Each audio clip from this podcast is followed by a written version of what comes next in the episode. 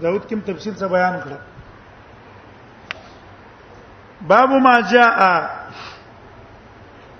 من الرخصه في ذلك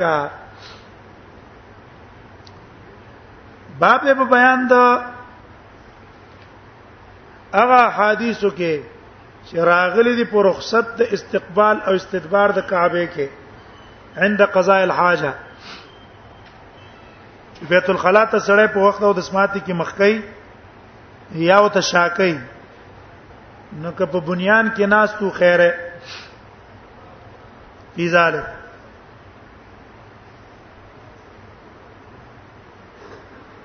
اوس حدیث راوړي وبي قال حدثنا محمد محمد بن بشار ومحمد بن المثنى قال حدثنا وهب بن جرير قال حدثنا ابي عن محمد بن اسحاق عن ابان بن صالح محمد ابن اسحاق دا امام السيره المعروف بصاحب المغازي والسير بخاری جلد ثانی کې د ابو اسحاق قول نقل کړه کنه وقال محمد ابن اسحاق محمد ابن اسحاق د سی ویلي محمد ابن اسحاق امام د سیرت لیکن په دې کې د علماو ډېر اختلاف ده وجرح او په تعدیل کې چې دا سي تفصیل د بل راوی په منځ کې مبارک نشته لکه د مبارک چې څونه دی چا د د جرح مفصله کړی دا چې مجمله کړی دا چا د تعدیل مجمل کړی دا چې تعدیل مفصل کړی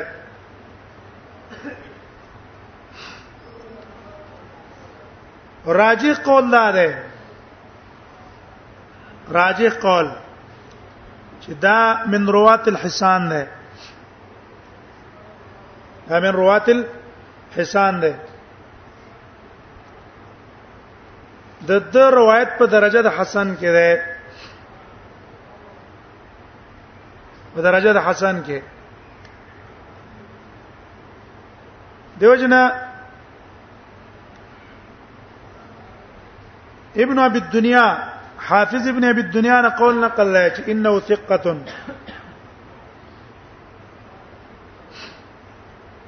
دا ثقه ده امام بهقي د دنه پاسما او صفاتو کې کلام نقل کړي قرات خلف الامام کې د کوم روایتونه دی پاغه اعتماد کړي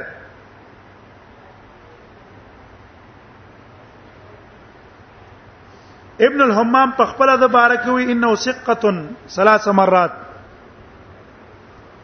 اذا ثقه ده ثقه ده ثقه ده نو داغه د عباده پر روایت کې دا محمد ابن ساق ده کنه محمد ابن ربيعه د دیونه کړه یا نورو کې راغلی محمد ابن ساق چې روایت کې راشي دا د چانه شو دا د رواتو د حسان نشو دا راجح ده لیکن امام مالک نه د مبارک قول نقل لري امام مالک وايي ان قمت بين الحجر الاسود وباب الكعبه وجه د حجر اسود او د کعبه د دروازې په منځ کې مو درېګم کنه دا غزه ده چې دلته چا دروغ ویل نو سم دوار الله تبا کوي او که دلته هم زو درېګم لا حلفتو انه دجال کذاب لا حلفتو انه دجال کذاب وزودا قسم کوم چې دا محمد ابن اسحاق کذاب هم دی دجال هم دی امام مالک دا قول چې کوم دی راجح دا ده دا جرح د معاصر دا جرح د معاصر معتبره نه دا جرح د چا ده جرح د معاصر دا او جرح د معاصر معتبره نه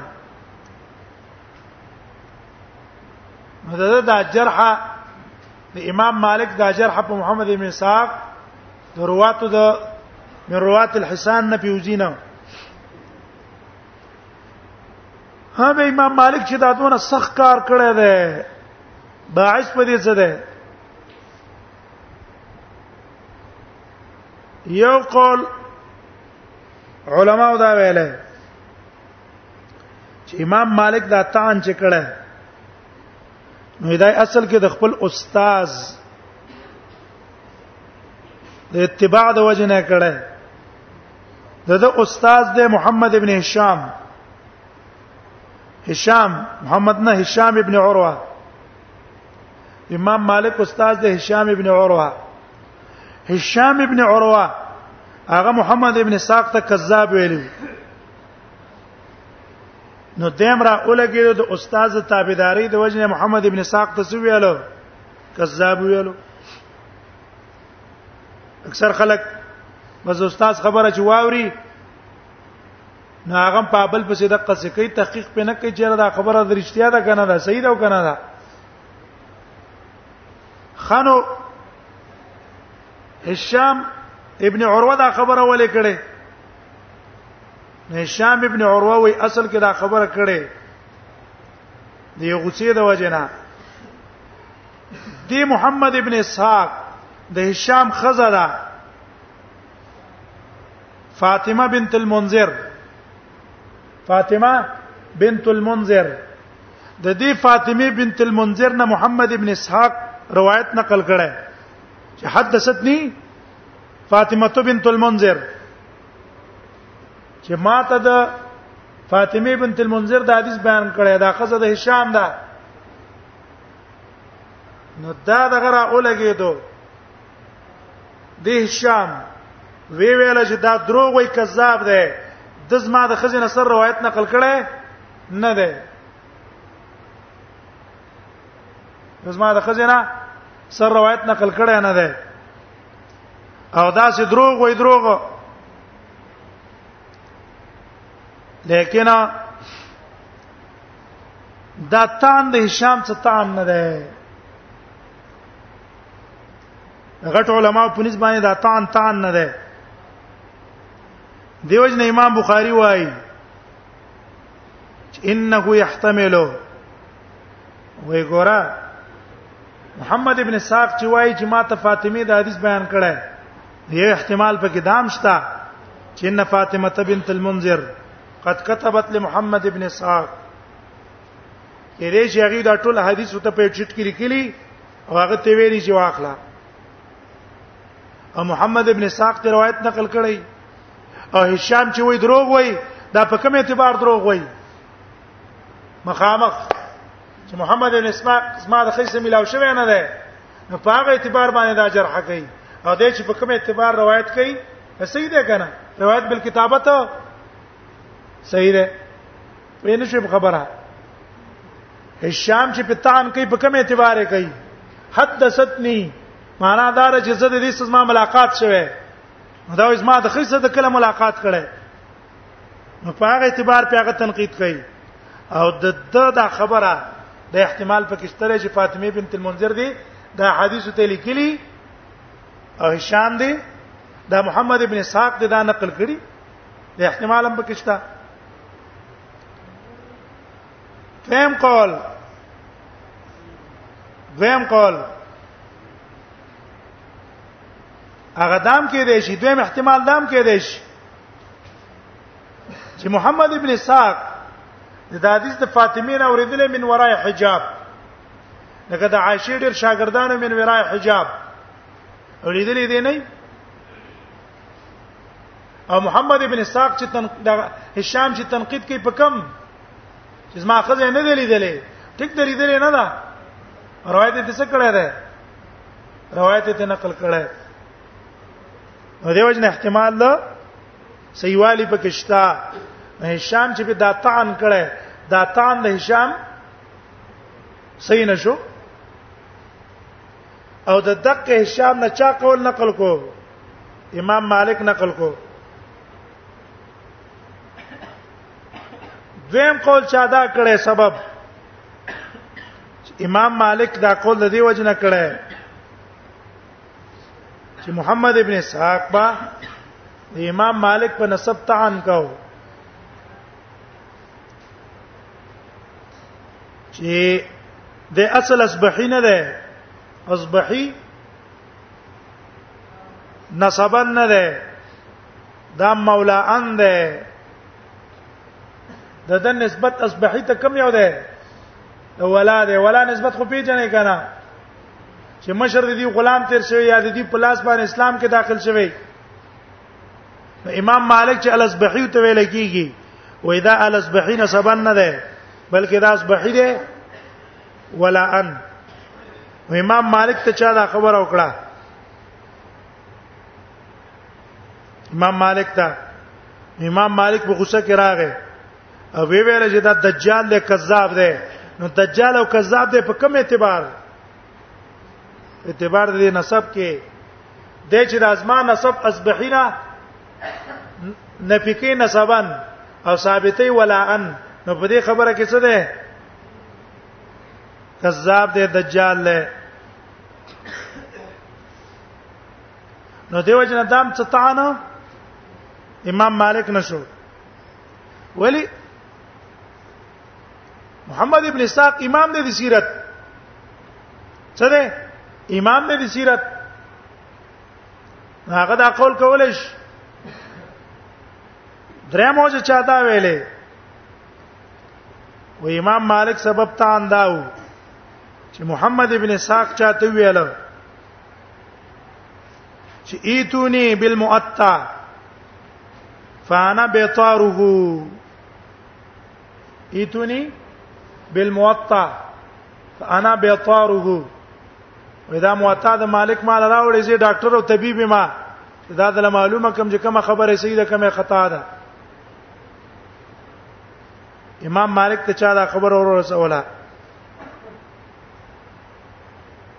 نو امام مالک راوله کېدلو درا استدا کلام کو چې کذابن دجال له بنا بر هر قول او هر سبب خو امام مالک دا قول کړی دی او دا قول د امام مالک عبارت محمد ابن اسحاق کې معتبر نه دی ځکه دا جرح د معاصر ده او جرح د معاصر معتبر نه اکثر علماو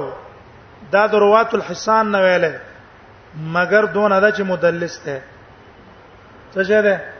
مدلس که چرته په حدیث کې عنانا وکړه دا حدیث به مدلسی ترڅو پورې چې موږ ته تصریح نه ثابته نو موږ به د حدیث ته صحیح حسن نه وایو او که تصریح موږ تراله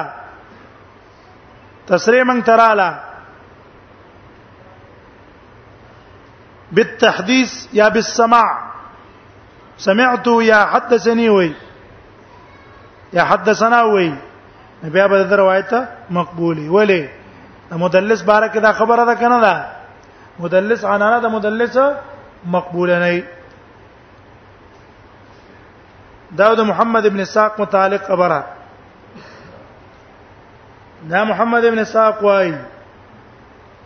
انا بان انا بان ابن صالح المجاهد عن جابر ابن عبد الله قال نهى النبي صلى الله عليه وسلم ان نستقبل القبلة ونبي صلى الله عليه وسلم من کړی دینه چې قبله ته موږ مخ کو په بولن په تشو د سماعتي فرأيته قبل ان يقبض بعام ما ولد النبي صلى الله عليه وسلم ان يقبض چې وفات کړي شي بعام یو کال مخکې استقبال هغه ته مخ کړو حدیث ابو داود کې مونږ ویلو وفي الباب عن ابي قتاده دې باب کې د ابو قتاده نم روایت ده خپل مصنف راوړي وعائشه د عائشه نم روایت ابن ماجه والا ده او د عمار نم روایت پکې ده هغه نم دا روایت نقل ده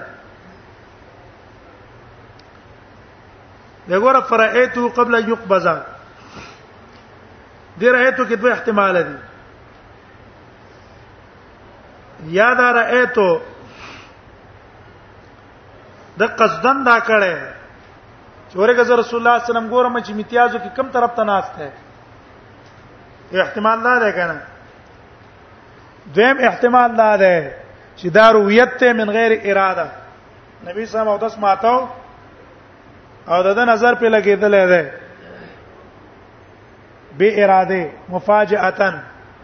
عبد الله ابن عمر په ناڅاپي نظر لګیدل او پراجه قول فحانت مني التفاته د قصیدم ناڅاپي نظر پاغه لګیدل هغه طرف ته مخ کاو قال ابو ساوي حديث جابر في هذا الباب حديث حسن غريب وقد روى هذا الحديث ابن لهيعه او اذا حديث ابن لهيعة نقل کړی ابي الزبير نا عن جابر عن ابي قتاده ان وراء النبي سم يبول مستقبل القبلة اخبرنا بذلك قتيبة وسند له ذكر كاي ابن لهيعة اخبرنا بذلك قتيبة قال اخبرنا ابن لهيعة عن ابي الزبير عن جابر عن ابي قتاده ان وراء النبي صلى الله عليه وسلم